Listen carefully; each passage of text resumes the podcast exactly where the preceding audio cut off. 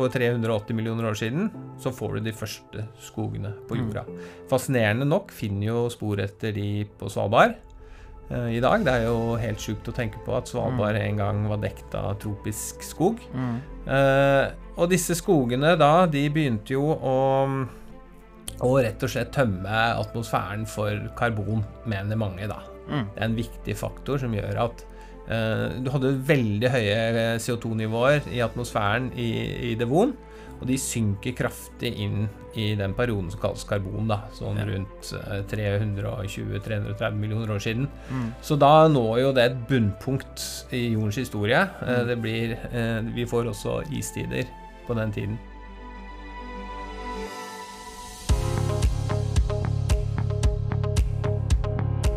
Hei og velkommen til Geologisk rapport. Dette er podkasten for deg som er litt nysgjerrig på geologi, og som vil lære litt mer om geologiens rolle i samfunnet vårt. Jeg heter Andreas Viken, og jeg er geolog. Og I hver episode skal jeg snakke med en annen geoviter om et geofaglig tema, samtidig som du skal få bli bedre kjent med personen jeg snakker med. Og ukens gjest, det er Reidar Muller.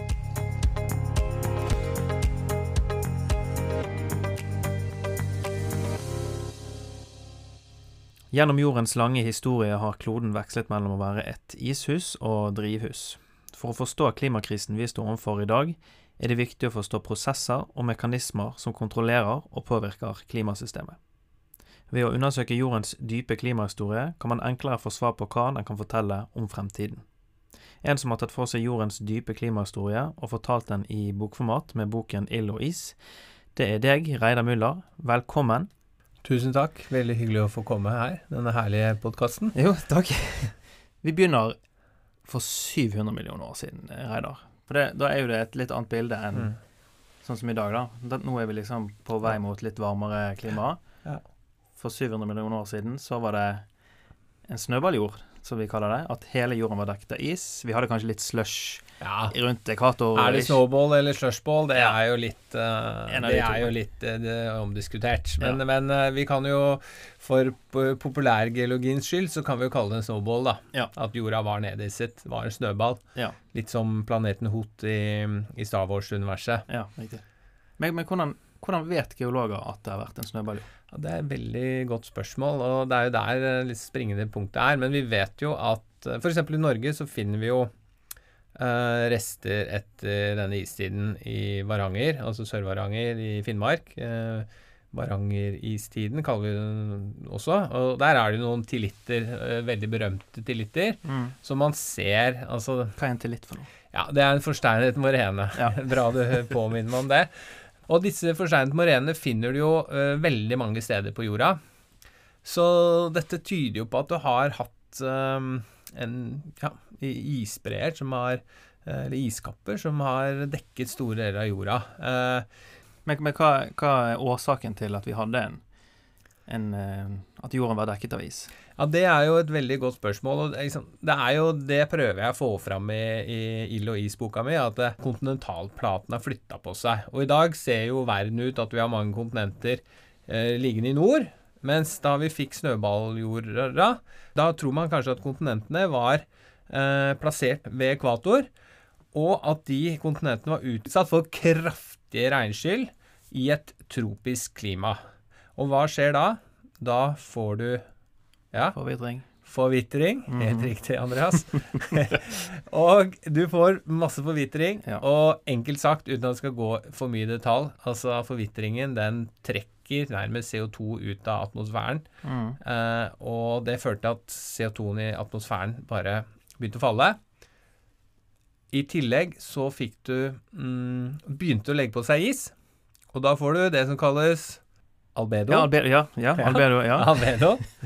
Og etter hvert Vi kan kanskje forklare albedo litt òg, ja, skal vi forklare det. Albedo betyr jo hvithet. Eksempel skog har lav albedo. Det er mørkt, så da tar det opp mye varme. Men så har du is, så reflekterer det jo mye varme ut tilbake i verdensrommet. Så Ja. da, og det er jo det som skjer, at du begynner å få litt is. Det blir litt kaldere. Du får mer is, og så får du mer is og mer is, og øker albedoen, og så blir det bare egentlig kaldere og kaldere. Mm. Og så får du kanskje en slags sånn uh, at albedoen går amok, da, som man tror kanskje. Ja. At det, til slutt så stanser ikke. Bare hele kloden legger på seg, får til slutt et isdekke, da. Ja. En tilbakekoblingsmekanisme kalles det Ja. på en måte. Ja. Ja, en, og det er jo veldig interessant at klimaet faktisk kan slå seg så vrangt da, Mm. som det gjorde den gang. ja. Men, men litt tilbake til Du nevnte forvitring. Det var et fint stikkord. For ehm, dette med skogene, det skriver du om i boken òg. Ja, Et sånt vendepunkt Ja. skriver du. Hva, hva, hva er årsaken til at det ble så mye Eller hvorfor ble skogene et vendepunkt i jordens historie? Ja, godt, godt spørsmål igjen. Eh, og eh, skogen er jo eh, Vi vet jo hvordan skogen fungerer i dag. Altså Den tar jo opp eh, karbon. Mm. Og hvis den ikke brytes ned treet igjen da, eh, på samme plass, og alt eh, går tilbake til atmosfæren, da er det jo et nullspill. Men hvis du får lagre dette karbonet i kull eller ned i myrer, så blir du borte av karbonsyklusen. Eh, og det, i, i Devon så får du jo da en, For 380 millioner år siden så får du de første skogene på Mm. jorda. Fascinerende nok finner jo spor etter de på Svalbard i dag. Det er jo helt sjukt å tenke på at Svalbard en gang var dekt av tropisk skog. Mm. Eh, og disse skogene da, de begynte jo å å rett og slett tømme atmosfæren for karbon, mener mange, da. Mm. Det er en viktig faktor som gjør at eh, du hadde veldig høye CO2-nivåer i atmosfæren i, i Devon, og de synker kraftig inn i den perioden som kalles karbon, da, sånn Ja. rundt eh, 320-330 millioner år siden. Mm. Så da når jo det et bunnpunkt i jordens historie. Mm. Eh, Det blir, eh, vi får også istider på den tiden. Ja. Så det er én tese, da. Men sant, dette skjedde for lenge siden. Det er mye man ikke veit. Men øh, jeg liker egentlig det, da. Tenk på det Ja. sjøl, at skogene har betydd veldig mye, siden Jo. jeg er glad i skog selv. Ja, sant, du har jo skrevet en bok om det òg. Ja. Men men òg det der som du sier om, eh, om Svalbard, at du har funnet sant, planterester på Svalbard. Kanskje du forteller litt, du som geolog, når du går ut i felt, f.eks. på Svalbard, så finner du ting i eh, naturen som på en måte viser at oi, her har det vært en skog, og i dag er det bikkjekaldt, liksom. Altså, Mm. fortell litt om det. Nei, det er kanskje noe av det mest fascinerende ved å være geolog, syns jeg. Og det er Du går ut i naturen, og så finner du plutselig sånn Jøss. et trefossil her på Svalbard. Mm. Og det er for meg fortsatt like fascinerende som da jeg gjorde det for første gang jeg var i felt for 25 år siden. Og jeg kan også få det i Oslo-området, hvor jeg går da av og til, og du finner kanskje varmtvannskoraller i Oslo. Og så tenker du å jøss, Oslo lå en gang ved ekvator, og det var korallrev her i Oslo. Og nå ligger det foran deg her, og du holder dette her sånn to be or not to be. Du holder nærmest den der korallen i hånda foran deg. Mm. Eh, Det syns jeg er en veldig sånn fascinerende tanke, på en måte, den lange historien fra det livet til oss, og de enorme endringene det har vært i klimaet, da. Men litt sånn, vi, vi snakker litt om geologisk eh, tid her, og geologiske perioder. Ehm, de blir jo ofte Hver geologisk periode stopper, og en ny begynner, og det blir ofte markert med en masse utryddelse. Det er det Mm. som gjør at vi får nye geologiske perioder. F.eks. perm-trias-overgangen. Da dør 70% av alle artene på jorden, og 80% av artene i, i havet og plantene dør ut. Hva var årsaken til denne masseutryddelsen? Ja, Det er jo en del eh, som har forska mye på det. det. Og det er jo Man skylder jo på at du hadde massive vulkanutbrudd eh, på den tiden, som gjorde at du fikk og Altså at det var store utslipp av giftige gasser, rett og slett. At disse smeltene, altså som kom opp fra jordskorpa, at de eh, beveget seg gjennom bergarter med f.eks. høyt innhold av eh, natriumklorid, og det skapte en del eh, gasser da, som var veldig giftig for eh, både dyr og planter. Så det er jo én eh, hovedtese. Ja. Og så er det jo, Men samtidig så er det veldig gøy også med disse masseutryddelsene, for det er jo veldig brutalt. Det er jo veldig, på en måte, Man føler jo litt på det, nærmest. altså Ja. At her forsvant det veldig mye liv. Mm. Samtidig så er det jo alltid noe nytt som kommer. Så Ja, da dør noen arter ut, og så kommer det nye arter. Ja, for dinosaurene kom jo da Ja, som et resultat av dette. Og de dør ut da i kritt for 65 millioner år siden, som gir da muligheten for at i teorien at vi mennesker er her i dag. ja. Og så har det jo Men det er jo gøy også at samtidig med at dinosaurene oppstår i etter denne katastrofen i Permtria, så får vi også de første altså pattelignende dyrene òg. mm. Men um, det ble jo også varmt for 56 millioner år siden, eller 50 millioner år siden, Mm. skriver du i boken. Hvordan eh, Jeg har jo på en måte forstått det sånn at det kan knyttes til sånn her metangassutslipp, gasshydrater på havbunnen, og i Mm. permafrost. Mm. Kan vi bruke den eh, Den kalles jo eh, paleocen-eocen termale maksimum, den Mm. overgangen der. Kan det brukes på en måte til i dag? Altså dette med metangass i permafrost, Mm. at det kan bli en potensiell eh, lignende hendelse fremover? Ja, nei, først litt om den uh, Pallus Eneos en termale maximum, som det kalles Mm. på Det er jo sånn tungekrøllende navn.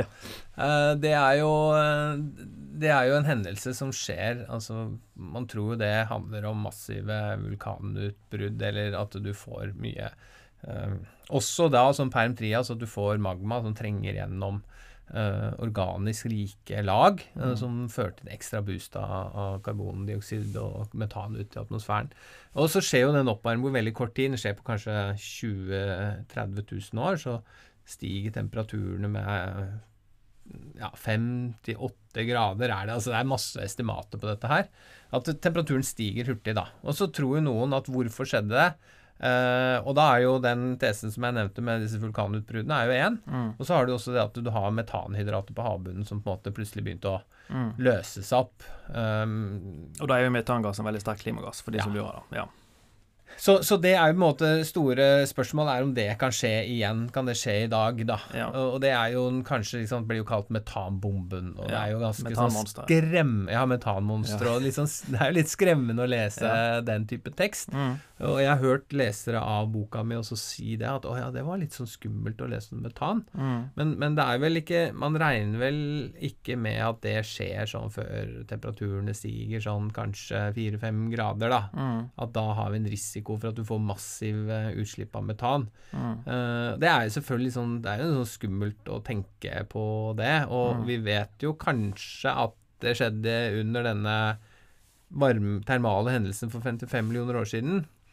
Eh, så, så det er jo eh, Men den, den er jo også viktig fordi den sier nå også hvor hurtig jorda kan varmes opp hvis du får mye klimagasser ut i atmosfæren. Det er også, den er jo også viktig på grunn av det, da. Men nå sitter det jo kanskje noen og hører på og tenker at OK, det var varmt for 50 millioner år siden, øh, og det vi ser i dag, det er naturlige endringer i klimaet. Sånn Mm. som den gang. Hva vil du si til de? Eh, da vil jeg si det at eh, ja, det har vært varmere før. Ja. Og det er helt riktig. Og ingen kan bestride det. Det som er utfordringen nå, mener jeg, det er at de endringene vi ser nå, og de utslippene av eh, karbon til atmosfæren, de skjer mye hurtigere enn det er gjort tidligere i geologisk tid. Så det er tempo som er problemet.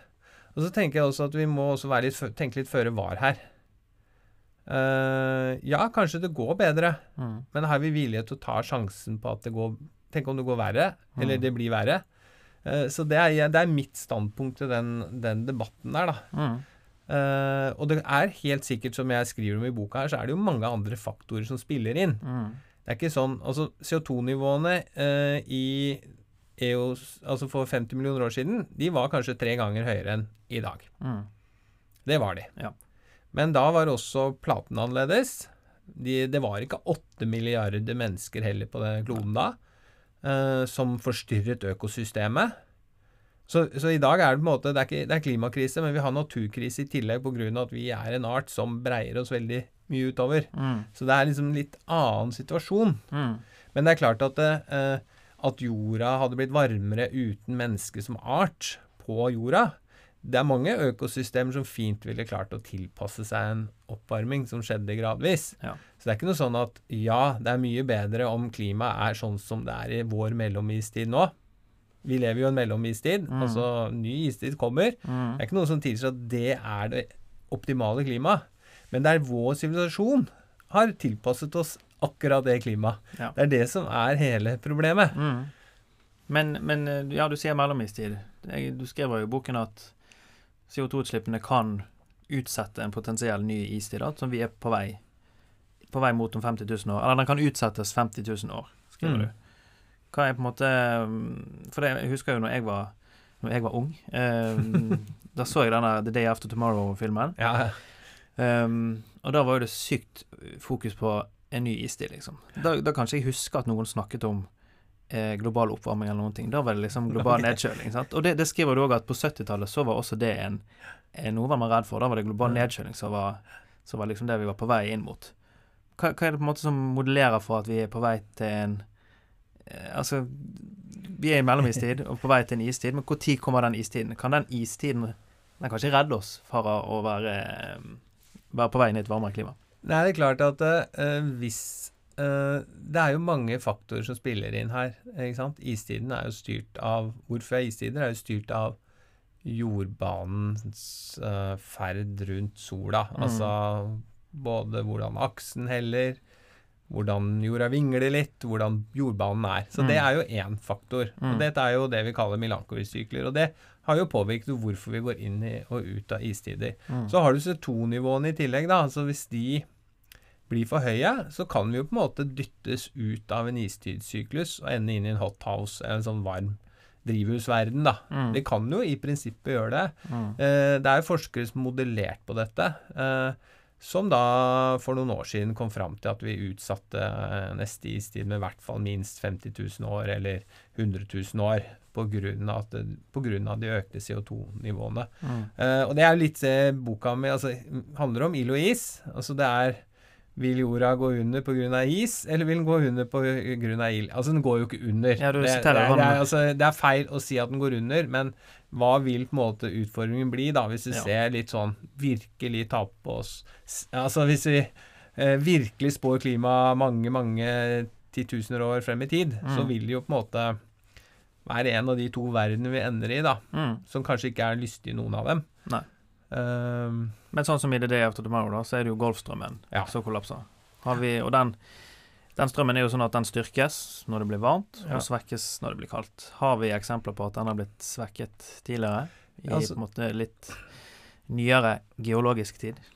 Jeg må bare si jeg elsker jo den der The Day After ja. Tomorrow. Den er jo helt ko-ko, selvfølgelig. Den er jo faglig helt idiotisk. Ja dette Det kommer jo plutselig Altså, det er jo Golfstrømmen som stanser opp, og da får vi ikke nok varme i nord. Og så ødelegger det hele klimasystemet, så vi da får en uh, Så drar hele jordkloden inn i en ny istid. Ja. Så det er en veldig sånn fascinerende film, og det er selvfølgelig den klassiske greia det er forskeren som står der og sier hei, vi må gjøre noe med eh, klimaendringene, og så sitter alle politikerne, og det sitter noen fra Saudi, noen sjeiker der, og de er helt uinteressert. Det er sånn klassisk, veldig flott, og så skjer dette så veldig fort, da. Ja. Altså, det er jo Goldstrømmen-motoren, da, som er selvfølgelig veldig viktig for klimaet i nord, mm. som er med på uh, å gjøre klimaet i, i Norge levelig. Altså, mm. vi ligger jo ganske høyt Vi er jo Norge ligger jo veldig høyt mot nord, egentlig. Mm. Så Golfstrømmen er jo på en måte en sånn redningsplanka vår. Mm. Og det er klart at den har i perioder uh, blitt uh, bremsa opp. Mm. Uh, og det har skjedd F.eks. så skjedde jo det uh, For sånn drøye 8000 år siden så var det jo en stor um, en breddemt sjø, altså en enorm sjø som lå i Nord-Amerika, hvor enormt store mengder ferskvann plutselig bare endte ut i Nord-Atlanteren. Mm. Får du med ferskvann, uh, så bremser det hele den saltvannsmotoren til Golfstrømmen. Mm. Så det er på en måte en sånn Den har jo hatt veldig mye å si. Mm. Uh, så det er jo en litt sånn snev av sannhet i den filmen. Ja. Men det skjer jo på litt uh, veldig kort tid, da. Når, liksom, når isen begynner å jakte de der som løper i denne biblioteket der. Det, det, blir litt satt på spissen. Men uh, Det hadde vel, vært litt gøy å oppleve det hvis det skjedde så fort. Ja, det hadde... Sannsynligvis så kommer den Det bruker jo litt tid, da. Ja, det gjør det.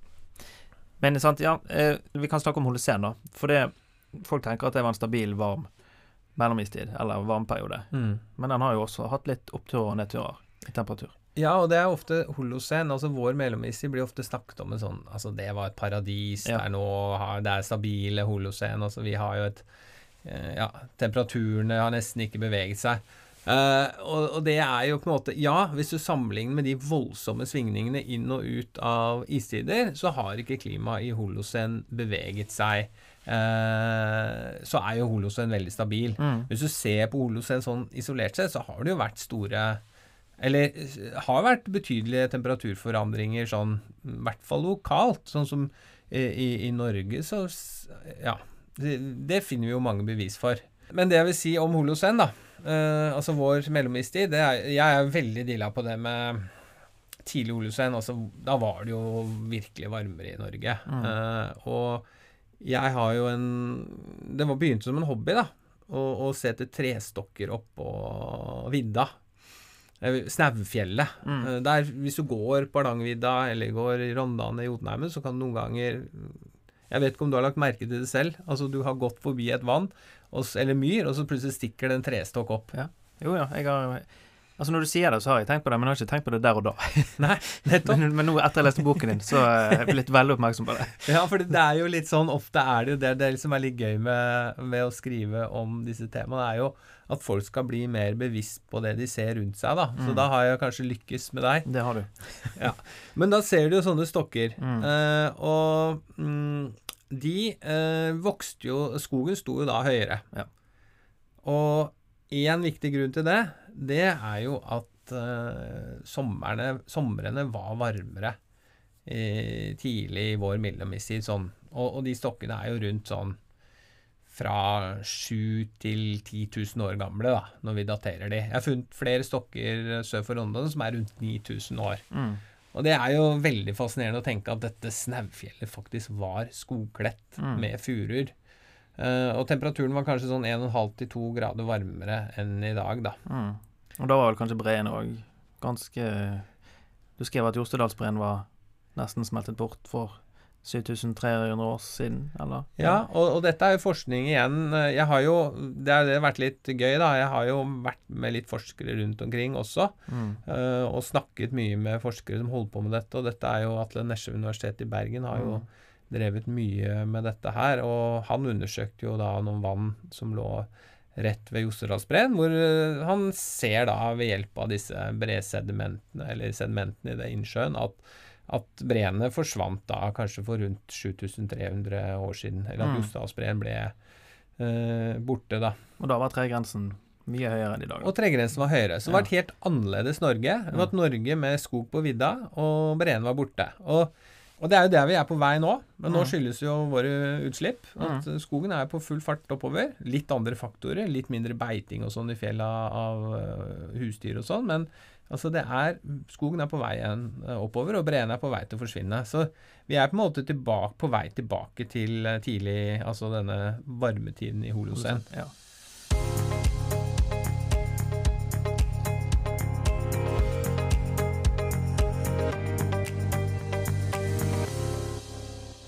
Hvorfor ville du bli geolog, Reidar?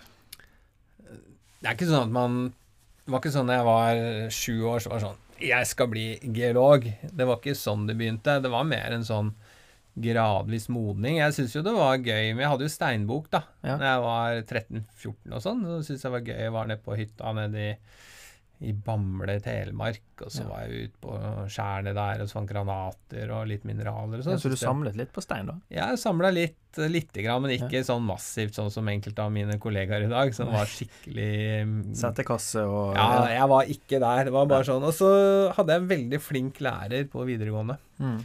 som Og jeg Ja, jeg syntes det var veldig gøy. Og jeg bor jo Jeg vokste jo opp i sant, laboratoriet Oslo, på en måte. Det er jo fantastisk eh, geologi hvor det er Du har på en måte veldig mye innenfor eh, et, Ja, du kan Mm. se veldig mye ulike typer stein da, Ja, ja. innenfor et eh, lite område. Ja, Var dere på ekskursjoner med, med skoler? eller? Ja, og så var vi liksom på Kolsåstoppen og Ja. så gikk gjennom altså, fossilrike lag fra Cambrosillur, hvor vi så på ja, alt mulig av Ja. fossiler, til at vi gikk opp gjennom og så på lag altså, som hadde en gang vært glødende lava. Ja. Som hadde bare blitt pøst ut fra en vulkan som lå like ved. Altså, Dette var jo veldig sånn fascinerende. Ja. Ja, Var valget lett da når du skulle studere? At det fascinerte deg, så da Ja, nei, jeg begynte ikke på geologi. Da var det liksom kjemi og statistikk og tok helt andre ting. Og så var jeg med på et geologikurs, og så var det jo veldig gøy med Så det var veldig gøy å være ute på ekskursjon. Jeg er jo friluftsmenneske, jeg elsker jo, jeg er glad i det. Jeg har drevet med fjellklatring, og jeg har drevet med mye, vært veldig mye på tur. Så jeg syns jo det var veldig gøy å være ute i felt og se på stein.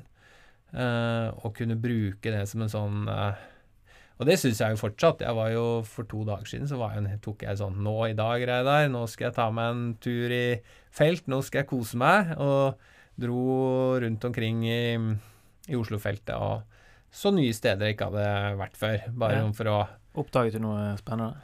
Um, det var faktisk litt kjedelig akkurat den turen, fordi det var veldig Jeg hadde tenkt å se etter fossiler uh, borte et noe som heter Lier ved Drammen, men det var veldig Der var det blitt veldig omvandla av vulkanisme. Ja, ok. ja. Så Men det var litt sånn Det var liksom passe greit. men, men da trekker du det frem som et minne fra studietiden, da? Dette med å være ute i felt? Som Ja. beste minne fra Ja, altså, det var gøy. Ja. Uh, Kanskje det viktigste for å For samhold sosialt sett? Og ja, og så var det sånn. veldig Fikk mange gode venner Uh, på studiet, og, og så ble det jo Og så går det jo på en måte inn i det. Og så, ja. så har det jo selvfølgelig Man har jo av og til man tenker liksom Hvorfor eh, gjorde jeg det jeg gjorde? Uh, det kan man jo av og til stille seg spørsmål om. Ja. Ikke nå. Nå er jeg jo blod, nå er jeg jo frelst, og så Ja. nå driver jeg dette jobben min og Ja. skriver om, om det for folk For et Ja, ikke bare for geologer, da, men for alle typer folk. Mm. For i i 96 så var jo du ferdig med, med hovedfag, og i Mm. 2003 så disputerte du med en avhandling om nettopp klimaendringer. Mm. Hva er det med klimaendringer som er så fascinerende, syns du? Nei, jeg, det er igjen dette her eh, at kloden ikke alltid har sett ut sånn som den gjør i dag. Det er det jeg synes, Det er det som er gøy. Mm. Og at ting forandrer seg. Eh, Jeg jobbet jo da med klimaendringer um, fra, altså, som skjedde fra Trias, uh, altså 220 millioner år, frem til for eh, 200 ja, 190 millioner år, da, en sånn lengre periode, hvor klimaet da sakte i Nordsjøen mm, Altså, det Nordsjøen var jo ikke hav da, det var jo land. Mm. Altså ble, gikk sakte fra å være liksom halvtørt til å bli fuktig, da. Mm. Det er jo styrt av at Norge måtte bevege måte beveger seg, som vi var inne på tidligere. altså ja, Beveger seg fra Altså når, platene Norge ligger på, beveger seg nordover. Mm. Som beveget seg i ulike klimasoner. Jeg syns jo det var uh, veldig fascinerende. Mm. Og så oppdaget vi jo også i en av kjernene, så var det jo også Vi fant en um, Ja, eh, så en, det var lova en knokkel, en av eh, disse eh, kjernene, som viste seg også stamme fra en dinosaur. Så det var jo veldig gøy. Stilig. Det er sikkert uh, god stemning når du finner Ja, det var, var litt, sånn, litt sånn komplisert historie. Det var jo noen som hadde sett nøkkelen før, men så tok jeg doktorgrad, og så Ja. foreslo jeg at vi skulle sende til Jørn Hurum, Ja, som kan mye om sånne ting. Og så, så var det en litt sånn lang vei eh, fram til at vi fant ut at det stammet fra en dinosaur. Og det er den eneste funnet av en dinosaur i Norge i dag, da. ah, Stilig. Mm. Men dette med mm, skriving Du har jo en journalistutdannelse òg. Når det du liksom fant ut at du ville begynne å skrive bøker? Eller Er- skrive generelt om, om dette? Det, det å skrive bøker, det var ikke mine tanker. Altså Hadde jeg visst i dag eh, Hadde jeg visst den gang at jeg kom til å ha skrevet fire bøker, som jeg, ja, jeg Ja. har gjort nå, så hadde jeg ikke trodd at det var sant. Fordi det følte jeg Det, det var ikke meg. Nei. Eh, Så flink var ikke jeg til å skrive. Eller Unnskyld. Ja, flink, eller det var ikke Det, Jeg tenkte at det, det var for langt. Er for mye jobb, sikkert. Også, er for mye jobb, men ja. også Ja, nei Men den første boken din, 'Det som ble Norge', ble jo Ja. utgitt i 2014. Ja. Hvordan eh, kom du på en måte på ideen til å skrive den boken? Jo, altså hele Jeg får svare litt på det første spørsmålet ditt, det med eh, journalistikken, da. Mm. Eh, jeg var jo Tok jo doktorgrad. Mm, og så uh, kjente jeg at uh, jeg hadde jo en oppgave som var uh, Ja, hva skal jeg gjøre etter doktorgraden? Jeg hadde ikke lyst til å gå inn Jeg hadde ikke lyst til å bli akademiker. Nei. Og jeg hadde på det tidspunktet ikke så lyst til å jobbe i olja. Nei. og da var det ikke så mange muligheter. Nei. Og da tenkte jeg jeg har lyst til å ha et nytt bein å stå på, så Mm. da tok jeg journalistikk. Jeg var 32, og jeg gikk sammen med mange Jeg følte meg kjempegammal. Nå føler jeg at jeg var kjempeung. Men da tok jeg jo det med var med masse journalist, altså unge folk på 19 og 20. Det var kjempehyggelig. Jeg er venn med de i dag fortsatt. men, men eh, Ja, for jeg ville gjøre noe annet. Ja. Eh, og så fikk jeg jo da jobba i Aftenposten Mm. litt. Og så jeg, tok jeg en merkelig avgjørelse, som jeg angrer egentlig litt på. For jeg hadde egentlig mulighet til å fortsette i Aftenposten. Men så fikk jeg fast stilling i Forskningsrådet, så jeg begynte i Forskningsrådet. Ja. Hva gjorde du der? Ja, da jobbet jeg med forsk... Altså med å ja, tildele midler til forskningsprosjekter, som selvfølgelig veldig mange forskere er jo veldig ute etter å få de midlene, for å si det sånn. Ja. Uh, ja, og så har jeg jobba litt i byråkrati, og så har jeg faktisk jeg jobbet jeg litt i olja, Mm. noen år i olja, som jeg syns var uh, veldig spennende. Mm. Uh, men nå har jeg vært seks år, jeg har vært på en måte frilans, da. Mm. Og skrevet bøker og hatt det som en levevei. Mhm. Og holde foredrag. Ja, så det, det har på en måte vært Men det har jo på en måte vært viktig fordi jeg, jeg syns jo det er veldig viktig på en måte å at noen må også gjøre det. Mm. Noen må også formidle geologi. Alle kan ikke bare jobbe i industrien eller jobbe som forskere. Vi må, vi må på en måte eh, formidle eh, den kunnskapen vi sitter på, Mhm. selv om det kan være vanskelig og vrien av og til. Mm. Eh, og så har det jo vært eh, et marked for det òg. Mhm. Det har jo vært veldig mange som er interessert i, Det er mange som er interessert i temaene våre. Mhm. Eh, Og barn, da, som du også har skrevet barnebok. Eller en bok om. Geologibok til. Supervulkaner og digre dinosaurer. Ja, Jeg, dig, den- jeg digger den tittelen, altså. Den er, den er Den tittelen er bare nydelig. Og det syns barna også. Det er, ja, den digger jo barna. Ja, eh, jeg tror også. det ikke bare barn som digger den, jeg tror voksne òg Ja. digger den. Så den har jo Det er jo kanskje Og det er jo litt rart, altså den eh, Eller ikke rart, da, men den har jo virkelig blitt en eh, slager. Mm. Eh, og det er jo veldig gøy, og viser jo at Og det fantes jo ikke en bok eh, en sånn type bok Nei. som vi lagde for barn. Det var aldri laget Nei, i Norge, og det var så overraskende. Men det er klart, den har jo vært veldig viktig. Jeg, jeg gikk jo med den ideen til Aschehoug Forlag, som jeg skriver for, og, og de tente jo på ideen. Ja. Men det er klart det har vært veldig viktig å ha en god redaktør som de tenker jo, og, og illustratør her, Mm. som både tenker form og farge, og Mm. hvordan den skal se ut. Jeg hadde jo teksten og ideen, hvordan den skal se Altså, hva er det du skal ha med i boka? Men er ikke Eh. det utfordrende å på en måte formidle geologi til barn? På en måte? Det, er, det er jo vanskelig nok å forklare til vanlige voksne folk som ikke kan noe geologi. Ja. Nei, altså, jeg er tenker at eh, Jo, altså, barn og Man har jo, er litt lik, eh, fordi den er jo spekket med fun facts, den boka. Mm. Det er bare fun facts. Mens det som ble Norge, er jo mye mer kunnskap, og sånn som den siste boka, Milo Is, er jo Altså, du må jo forklare en del Det er en del komplekse fagtermer man må faktisk forklare hvis du Mm. skal forstå virkelig hvordan klimaet endra seg. Mm. Eh, så det har jo vært målet med ild og is, eh, å, å gjøre det på en ordentlig måte. Men, men for barn så er det jo bare å dra på fun facts og dra på de store ikke sant. Det var supervulkan som sa bang, og så er de fornøyd og bare vite det. Gode Og hvis de er nysgjerrige til å vite mer, så må de lese Da står det litt mer i boka, og ja, så, det, så kan de finne ut mer ved å google litt, ikke sant. Ja. Men man begynner der. Og mange voksne syns jo det også er nok. Ja. Og, altså, det holder. Men eh, hvis du ser tilbake på karrieren din, da, Reidar. Hva er karrierehøydepunktet, hvis du skal trekke frem et? Nei, jeg syns det er hver bok er et høydepunkt, jeg. Ja.